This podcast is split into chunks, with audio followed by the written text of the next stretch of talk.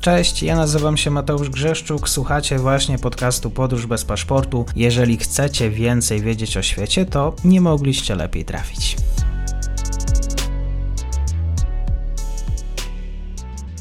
Dzień dobry wszystkim słuchaczom. W rytm wydarzeń międzynarodowych nagrywamy, rozmawiamy dzisiaj o Michaju Gorbaczowie. Ze mną jest pani profesor Agnieszka Ległucka, Polski Instytut Spraw Międzynarodowych. Dzień dobry pani profesor. Dzień dobry panu, dzień dobry państwu. Obstawiam, że wszyscy wiedzą, ale wiem też, że słucha nas młodsze pokolenie i może właśnie dlatego dla tego młodszego pokolenia y, Michał Gorbaczow kim był pierwszy, jedyny prezydent Związku Radzieckiego? Michał Gorbaczow był pierwszym, jedynym prezydentem Związku Radzieckiego. Był najmłodszym przywódcą też Związku Radzieckiego, bo wcześniej był, no i właściwie był e, też przez wiele lat właśnie liderem komunistycznej partii Związku Radzieckiego, jak jego poprzednicy. Był najmłodszym, bo jego poprzednicy, jak Czernienko, Andropow, e, bardzo szybko umarli z przyczyn zdrowotnych i on miał dać taki, taki świeży, świeżą krew dla rozwoju takiego Związku Radzieckiego. I rzeczywiście, jak przyszedł do władzy w 1985 roku, to mm, dał sobie właśnie ten moment e, e, jego e, takiej, takie trzy najważniejsze cele, za co był później krytykowany bardzo mocno w kraju, a znowuż na zachodzie był bardzo e, mocno uwielbiany e, i był e, właśnie tak jakby na piedestał stawiany, uważany był za takiego Gorbiego Landii, czyli taki właśnie wystawiany jako tego, któremu trzeba stawiać pomniki, za co też zresztą dostał pokojową nagrodę Nobla za to, że przyczynił się do upadku Związku Radzieckiego. A tego te najważniejsze trzy cele to było uskarienie, czyli czyli przyspieszenie rozwoju Związku Radzieckiego, bo rzeczywiście on otrzymał e, w spadku e, to państwo, które znajdowało się w bardzo trudnej sytuacji gospodarczej, a kiedy jeszcze doszedł do władzy, no to ten najważniejszy problem, z którym Rosja się do dzisiaj boryka, to jest ten systemowy problem, że bazuje na cenach surowców energetycznych. A kiedy właśnie doszedł do władzy, to te ceny surowców energetycznych, czyli głównie ropy naftowej, poszybowały, poszybowały w dół, czyli odwrotność e, szybowania. Potem była właśnie głasność e, i on e, uważał, że Rosjanie duszą się we własnym państwie, czyli nie mają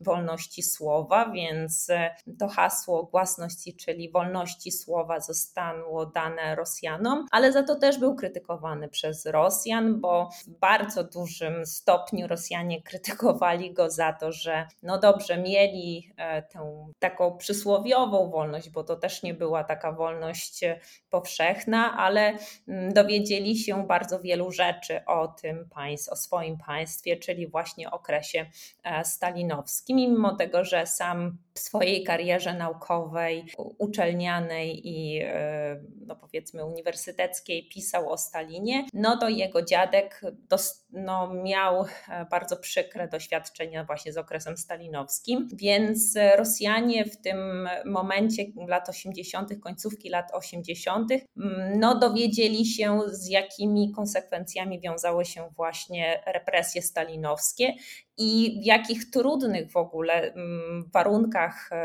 im przyszło żyć. I można powiedzieć, że nauczyli się, czy też zaczęli, wreszcie zaczęli się mm, odważnie wypowiadać na temat tego, czym był Związek Radziecki. No i to z jednej strony przyczyniło się do tego, że mm, mogli mówić otwarcie, co myślą, ale to też e, uwolniło bardzo dużo takich e, nastrojów, e, które były wewnątrz Związku Radzieckiego, które można powiedzieć, że do tej pory były trzymane twardą ręką e, reżimu politycznego, a teraz uwolniły wiele odśrodkowych tendencji, które pogrzebały ten Związek Radziecki, od tendencji odśrodkowych głównie związanych z mm, takimi e, tendencjami właśnie odśrodkowymi, czyli braku kontroli centrum nad peryferiami. E, I to, za co jest bardzo mocno krytykowany słusznie, no to to, że mimo tego, że właśnie mówił o tej wolności i pieriestrojce, to za tym, za tym za chwilkę jeszcze powiemy, no to e,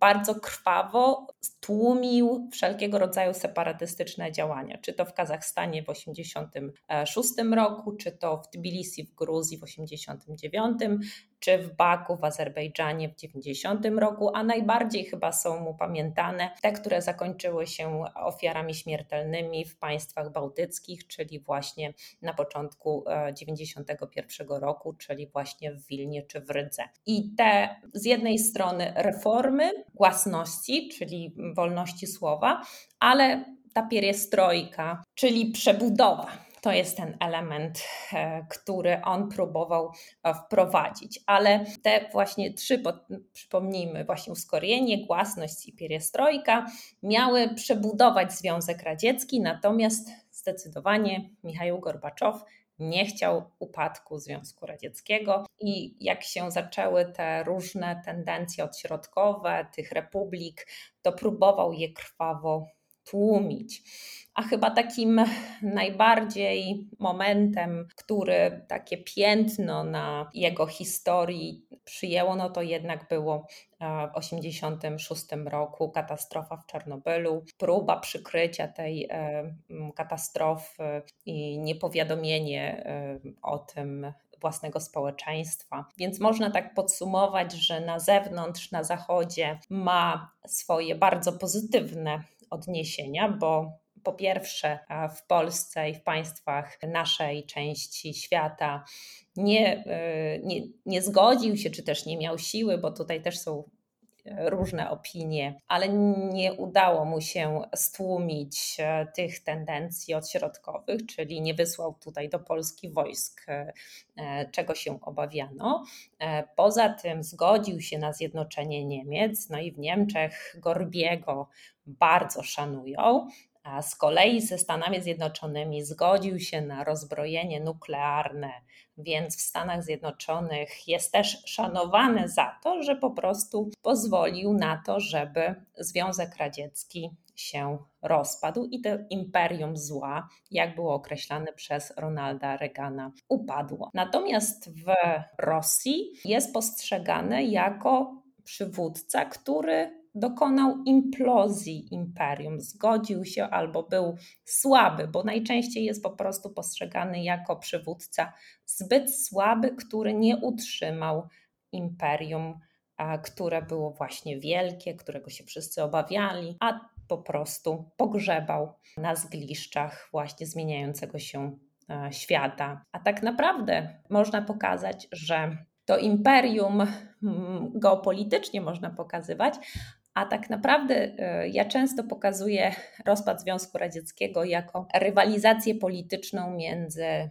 Gorbaczowem a Borysem Jelcynem, który, który Borys Jelcyn o wiele sprytniej wyczuł koniunkturę polityczną i o wiele lepiej zrozumiał albo szybciej zrozumiał, że Związku Radzieckiego nie da się zreformować i trzeba postawić tak w sposób bardzo trywialny mówiąc, na on to wtedy to były hasła oczywiście demokratyczne, bo co jest ciekawe i Michał Gorbaczow mówił o demokratyzacji, co ciekawe, też mówił o decentralizacji e, Związku Radzieckiego i systemu podejmowania decyzji, ale zarówno Michał Gorbaczow nie był demokratą, ani Borys Jelcyn, jak się później okazało, też nie był do końca demokratą. Natomiast postawili, Borys Jelcyn postawił na hasła demokratyczne i kiedy wyczuł bardzo dobrze, że e, społeczeństwo e, rosyjskie nie popiera e, Michaiła Gorbaczowa i Michał Gorbaczow tracił poparcie twardogłowych tak zwanych. Nazywano wtedy ich konserwatystami, chociaż to dzisiejsze pojęcia zupełnie nie są tożsame z, z naszymi dzisiejszymi kalkami, bo tymi konserwatystami po prostu były, była ta nomenklatura twardogłowi komuniści. I bardzo szybko się okazało, że ci konserwatyści, którzy widzieli w Michaile Gorbaczowie po prostu tego, który, który chce rozwalić system, chce rozwalić ich e, pozycje w państwie i ich dotychczasowe e, bardzo dobre, bardzo dobrą sytuację, widzieli co się dzieje, zaczęli po prostu budować przeciwko niemu e, różnego rodzaju koterie i, i sojusze. I w czerwcu 1991 roku Borys Jelcyn został wybrany na prezydenta rosyjskiej socjalistycznej e, części Federacji Rosyjskiej. Znaczy, jakby Związek Radziecki, pamiętamy albo nie pamiętamy, e, składał się z 15 republik, znaczy był też federacją i powstał w 1922 roku na podstawie takiego porozumienia między trzema republikami między Ukraińską Socjalistyczną Republiką Radziecką, Białoruską Socjalistyczną Republiką Radziecką i właśnie Rosyjską Socjalistyczną Republiką Radziecką. To jest ważne, za chwilkę, za chwilkę do tego wrócę. I kiedy Michał Gorbaczow czu, czuł, że traci trochę grunt pod nogami, wcześniej mianował się właśnie, e, został mianowany przez e, takich specjalnych delegatów na prezydenta Związku Radzieckiego. Myślał, że to mu pomoże zwalczyć tych takich właśnie twardogłowych. Natomiast e, Borys Jelcyn wyczuł bardzo szybko koniunkturę i w sposób taki bezpośredni został wybrany tym prezydentem tej części rosyjskiej. I wówczas, e, ja pamiętam akurat wtedy mieszkałam w e, Związku Radzieckim i bardzo szybko wszystkie towary z, ze sklepów zniknęły i był to, co było bardzo charakterystyczne jakie nastroje były bardzo charakterystyczne wśród Rosjan, to przede wszystkim taki zupełny strach e, wobec tego, co się działo dookoła, panika i takie przeświadczenie, że ta właśnie głasność czy pierestrojka to jest może dobre, do, są dobrymi hasłami, ale nimi nie można wyżywić nikogo. W związku z czym taka frustracja społeczna na Michaiła Gorbaczowa, którego jednoznacznie okrzyknięto tym winowajcą tej sytuacji gospodarczej i trudności społecznych, a sympatyzowano z e, Borysem Jelcynem, dlatego że co ciekawe i może trochę nas dzisiaj dziwić, uważano, że Rosja jest takim, można by było powiedzieć, taką lokomotywą, która ciągnie za sobą te wagony, te były republi- te, te dodatkowe republiki e, związkowe, takie jak, nie wiem, właśnie Białoruś, nawet Ukraina i te, nie, Armenia, Azerbejdżan, czy państwa, e, te republiki mm, Azji e, Środkowej. I to one ciążą tej Rosji tej Rosyjskiej Socjalistycznej Republiki Radzieckiej. I w czasie, kiedy Michał Gorbaczow chciał usilnie je utrzymać i właśnie tępił różnego rodzaju właśnie protesty społeczne w e, tych republikach, które domagały się, społeczeństwa tych republik domagały się suwerenności, no to Borys Jelcyn wyczuwał, że społeczeństwa, które jakoś muszą się opowiedzieć. I wówczas Rosjanie, którzy mają taką wielkoruską dumę, poczucie wyższości nad tymi poszczególnymi republikami, zaczęły, e, zaczęli tak myśleć, że jak się pozbędą tych balastów, to pojadą szybciej tym pociągiem i że to będzie o wiele lepsze rozwiązanie dla nich. E, I wówczas Borys Jelcyn, e, który jeszcze wtedy nie wypowiadał takich haseł bardzo odważnych, pomógł w takim bardzo krytycznym momencie oczywiście Gorbaczowowi, kiedy nastąpił najkrytyczniejszy moment, oczywiście dla samego Borysa, dla samego Gorbaczowa, czyli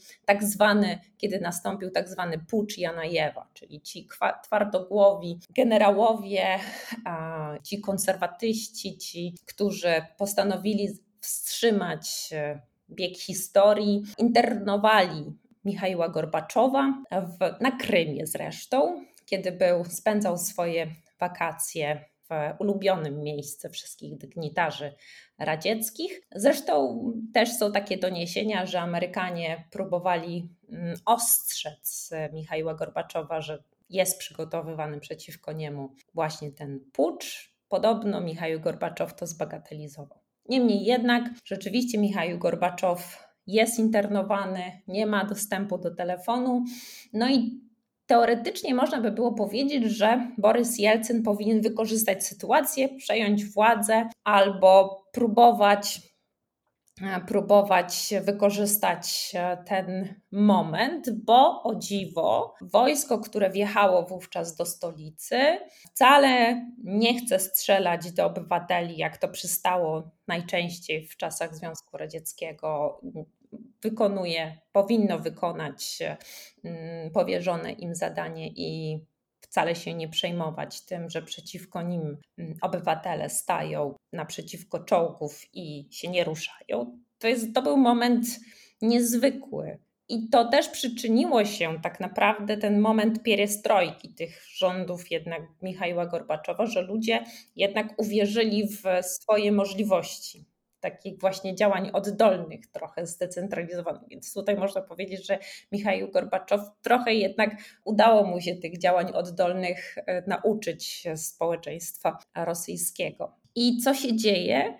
W momencie, kiedy Borys Jelcyn, i są takie właśnie sceny słynne, kiedy Borys Jelcyn po krótkiej chwili mm, internowania, tak jakby zatrzymania w parlamencie, on się, jemu się udaje wydostać, i są takie sceny które przechodzą do historii, że on wskakuje na te czołgi i porywa za sobą tłum. I zamiast wykorzystać tę sytuację i zostawić Michała Gorbaczowa na pastwę losu, on staje po stronie Michała Gorbaczowa, to znaczy uważa, przekonuje swoich obywateli, że pucz jest nielegalny. Janajew, ten, który stoi na czele puczu, jest e, właśnie uzurpatorem i wzywa do e, ustąpienia właśnie puczystów.